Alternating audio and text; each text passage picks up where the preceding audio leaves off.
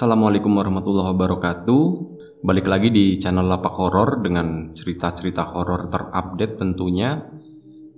Dan kali ini gue pengen share uh, satu kejadian, satu pengalaman yang pernah gue sendiri alami dan ada sepupu gue yang juga ngalamin itu di rumah angker milik Bude gitu ya. Jadi rumah itu tuh rumah baru dibangun, cuman memang entah kenapa itu sedikit bermasalah di sana. Nah, sebelum kita ke cerita, seperti biasa gue pengen ngucapin banyak-banyak terima kasih buat kawan-kawan subscriber semuanya dan kawan-kawan yang baru mampir, baru main, baru nengokin channel Lapak Horror ini. Kejadian itu udah cukup lama, gue nggak inget tahun berapa ya. Yang jelas waktu itu uh, Bude itu baru ngebangun satu rumah gitu, cuman memang lokasinya sendiri tuh agak aneh ya. Anehnya tuh karena itu tadi uh, itu rumah benar-benar sendiri itu di tengah kebun dan rumahnya itu deket banget sama kuburan gitu ya. Dan kuburan itu tuh adalah kuburan angker yang pernah gue ceritain di salah satu video gue. Jadi uh, histori dari pembangunan rumah itu juga memang ada masalah juga di sana. Jadi uh, tanah dari rumah yang dibangun itu itu sebenarnya tanah nggak dibeli ya. Itu cuman kayak tanah yang didapat gara-gara si punya tanah itu punya hutang gitu. Nah karena si yang punya tanah itu nggak kuat bayar akhirnya mau nggak mau tanahnya itu tuh dikasih buat itu tadi buat ngebayar hutang gitu. Sebenarnya nggak ada masalah di situ cuman uh, ya itu tadi. Gue nggak tahu ya takutnya yang punya tanah dia nggak ikhlas atau gimana dia marah atau gimana gimana juga juga gue nggak tahu gitu jadi pada suatu hari gitu kan, rumah itu pokoknya singkat cerita udah jadi aja. Nah, selama pembangunan itu sebelumnya gitu, uh, selama proses pembangunan itu juga pernah terjadi beberapa insiden gitu. Antara lain ya tukangnya itu ada satu yang sempat jatuh dan kakinya itu patah gitu dan ada satu tukang lagi tuh kesurupan gitu di sana itu dari awal pembangunannya aja udah kayak gitu ya, udah serem lah.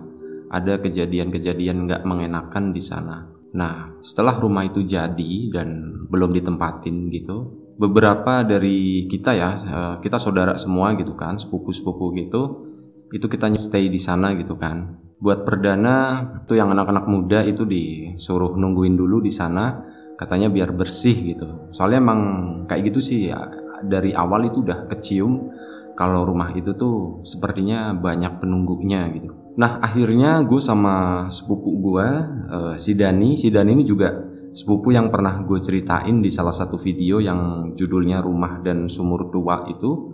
Nah itu sebelum dia merit gitu kan, gue sama dia nginep di sana. Sama ada dua orang temen kita juga tetangga gitu ya.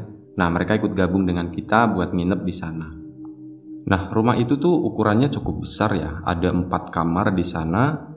Uh, ada kamar depan, terus di ruang tengah itu ada dua kamar, sama ada satu kamar lagi di belakang gitu. Semuanya ada empat kamar. Dan di bagian belakang itu ada lantai dua, cuman belum dibangun, itu baru dicor doang gitu ya, belum selesai. Nah, suatu malam gitu, itu malam pertama kita tinggal di sana gitu Nah si Dani itu pas itu dia bawa PS gitu, dia bawa TV, bawa PS biar biar nggak bosen gitu kan. Akhirnya udah uh, kita main PS gitu, nah gue udah selesai gitu kan, gue udah capek. Gue cuman ambil laptop, gue main di ruang tamu gitu, main laptop. Nah pas udah malam, uh, entah jam berapa gitu ya, gue lupa jam sebelasan kayaknya. Itu gue masuk ke ruang tengah gitu kan. Gue ngeliat si Edi, salah satu tetangga kita yang tinggal di sana juga itu dia lagi main PS sendirian gitu. Nah gue panggil panggil gitu kan. Ed Ed gitu kan mau bikin mie nggak gitu kan. Gue tawarin dia bikin mie. Dia diem aja. Dia tuh megangin stick doang dan kondisi uh, eh, PS-nya tuh layarnya tuh lagi di pause gitu. Dan si Edi tuh cuman diem doang. Gue kan ngeliatnya dari belakang gitu kan. Gue panggil panggil terus Ed Ed mau mie nggak? gitu kan. Wah ini kenapa sih anak diem aja gitu kan? Gue lempar pakai bantal gitu dia masih diem aja. Terus gue teriakin lagi kan Edi gitu kan gue kencengin nah dia baru tuh nengok cuman nengoknya itu aneh banget ya. Jadi badannya itu tetap diam cuman kepalanya doang yang muter ke belakang dan itu tuh bukan Edi gitu mukanya. Tuh mukanya tuh nggak tahu muka orang lain gitu dan itu tuh serem banget. Dia nyengir ketawa ke gua gitu. Ketawa hehehe kayak gitu. Wah gue langsung kabur kan gue langsung balik lagi ke ruang tengah dan gue langsung lipat laptop gue gue keluar keluar rumah gitu kan. Dan di luar tuh lebih horor lagi karena masih kebun gitu ya. Gue tadi sempat maksudnya sempat teriak gitu kan gerudak geruduk lah gue sambil ketakutan gitu. Nah si Dani sama eh satu lagi temennya itu ternyata dia nongol dari samping rumah. Dia nongol dari samping rumah gitu uh, dia katanya habis bakar-bakar jagung ya di samping situ nah gue nggak nggak kalau mereka tuh di sana gitu. Mungkin karena gue sibuk main laptop ya. Dan gue pikir masih ada orang di dalam rumah gitu yang tadi gue lihat lagi main PS si Edi itu ternyata itu bukan orang gitu. Itu salah satu itu tadi penghuni di sana yang gue panggil dia nengok nengoknya tuh kayak muter kepalanya ke belakang. Dan dia cuman ketawa doang nyengir doang udah. Itu kejadian pertama tapi uh, pas itu gue nggak ceritain gitu kan. Gue takutnya ah ini udah malam takutnya ntar mereka malah kabur semua gitu kan. Udahlah gue masa bodoh amat gue gabung sama mereka gitu kan. Akhirnya udah selesai gitu udah matang semua bawa masuk lah. Tapi itu tadi gue sebenarnya masih agak agak takut gitu ya. Tapi gue diem aja gue nggak ceritain ke mereka. Nah udah malam nih, mungkin udah jam satuan kali ya. Pas itu sama gue tidur di ruang tamu. Gue udah mulai tidur gitu, gue gelar tikar gitu kan karena di sana belum ada meja gitu. Udah gue tidur di sana, teman-teman yang lain si Dani sama teman-temannya itu main PS di tengah. Nah kali ini yang lihat itu bukan gue tapi si Dani.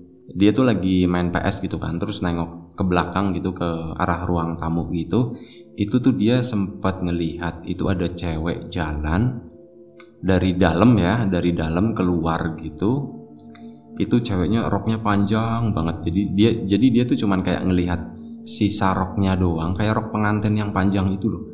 Yang panjang banget itu. Nah itu uh, dia ngelihat itu roknya doang. Itu ngelewatin gua yang lagi tidur di situ. Terus si Dani panggilin teman-temannya gitu kan. Itu eh ada itu ada cewek katanya. Nah udah panik semua. Ternyata mereka tuh ngelihat juga gitu sisa ujung roknya gitu. Nah si cewek itu tuh katanya jalannya keluar rumah gitu ya. Padahal pintu udah ditutup sih. Nah pas mereka bertiga tengokin ke depan kan itu udah nggak ada gitu. Karena gue lagi tidur jadi ya gue nggak ngerasa ada apa-apa sih. Untungnya itu tadi gue nggak ngelihat gitu ya pas itu. Nah itu kejadian kedua.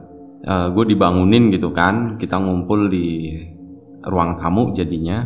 Kita ngumpul di ruang tamu kita cerita cerita barulah di situ gue buka. Kalau tadi gue juga ditakutin sama itu ya yang kepalanya muter itu terus udah akhirnya karena udah terlanjur malam ya mungkin udah jam 2an lah tanggung kan kita mau pulang gimana tanggung lah udah kita tidur aja di situ ramean gitu Nah pas sudah tidur ramean gitu, kita mau tidur tapi nggak bisa tidur gitu. Kita tidur di ruang tengah, berjejer empat gitu.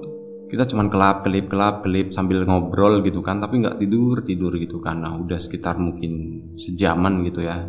Mungkin udah jam 3 kali. Pas itu gue ngeliat jam karena di situ belum ada jam.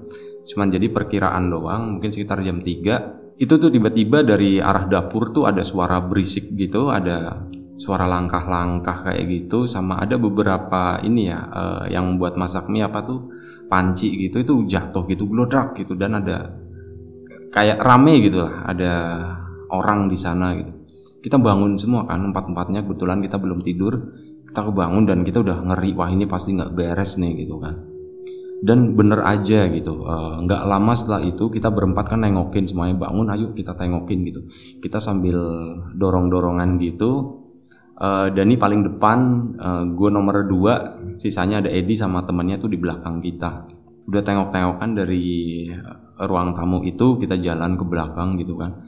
Nah pas kita mau sampai di dapur, kita udah hampir sampai tuh di pintu dapur gitu. Itu tiba-tiba dari arah dapur tuh ngagetin banget.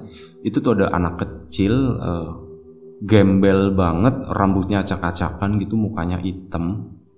Itu tuh ngagetin gitu, bah gitu gitu nakut-nakutin kita dan kita semua kompak gitu kan teriak gitu kita lompat itu tadi karena kaget takut dan ya apa yang kita lihat itu tuh jurik gitu ya uh, itu hantu anak kecil gitu masih kecil. Dan dia nakut-nakutin kita bu joget-joget gitu di depan kita bah, kayak kayak gitulah punya serem lah nah setelah itu setelah ngelihat uh, anak kecil itu akhirnya beneran kita udah deh kita keluar aja deh kita keluar dari rumah gitu. Akhirnya kita keluar kita nunggu sampai subuh kan. Udahlah mungkin kalau udah subuh agak sedikit aman kali ya gitu kan. Udah kita nunggu di depan rumah akhirnya udah kedengeran subuh tuh udah kita subuhan gitu. Terus habis itu kita pulang. Dan kita nggak cerita apa apa ya ke siapa pun kita janji udah kita jangan cerita apa apa nanti aja ceritanya katanya gitu. Besok kita coba ke sini lagi tapi agak ramean katanya. Hari kedua kita nginep di situ agak ramean lagi. Kita ngajak uh, tambah empat orang jadi totalnya tuh ada delapan orang di sana. Wah rame ini bakal aman lah gitu. Kalaupun ada ya maksudnya yang lihat kita nggak sendirian gitu kan. Rame-rame gitu pasti seru itu bukannya takut tapi seru. Nah kebetulan di sana itu itu tuh ada kursi goyang. Itu tuh punyanya Pade ya. Itu emang udah ditaruh di sana di kamar belakang gitu. Nah terus sama si Rinto salah satu teman kita itu diambil dipindahin ke tengah gitu. Karena pas itu kita ngumpul di ruang tengah yang agak luasan karena banyakan kan berdelapan gitu. Kalaupun kita tidur ya kita akan tidur di sana. Udah kursinya tuh ditaruh di pojokan gitu. Terus eh, dia duduk di situ gitu. Nah mungkin udah bosen kan dia udah turun eh, ikut ikut gabung di kita di bawah dan dan dari sore nyampe malam itu aman-aman aja nggak ada apa-apa gitu ya paling kita sesekali tuh kayak nyium bau wangi melati kayak gitu dan itu sekali dua kali ya kita nyium itu. Dan akhirnya udah pada capek gitu kan. Gue nggak tahu sekali lagi-lagi gue nggak tahu udah jam berapa mungkin udah jam udah jam 12 lewat. Udah akhirnya kita pada tiduran semua di ruang tengah situ. Nah posisi kita tiduran itu uh, berjejer gitu ya. Ada jajar berenam sama dua orang tuh di atas kepala kita gitu. Dan di sisi kiri kita itu tuh ada di pojokan itu ada yang kursi goyang itu di situ gitu. Nah pas pas kita udah hampir tidur gitu ya, udah udah pada ngantuk lah, udah benar-benar pada ngantuk. Tiba-tiba uh, ada si Rinto, dia teriak dia lompat gitu kan dia lompat ke tengah-tengah gitu dia tuh paling deket sama kursi ya nah dia itu katanya gitu kita sih nggak ngelihat ya kita nggak ngelihat tapi kata dia itu dia ngelihat ada cewek lagi duduk di sana gitu. Posisi dia tuh pas itu tidurnya tuh miring itu ngadep ke kursi itu dan dia tuh ngelihat ada kaki di sana sama rok ya rok putih gitu.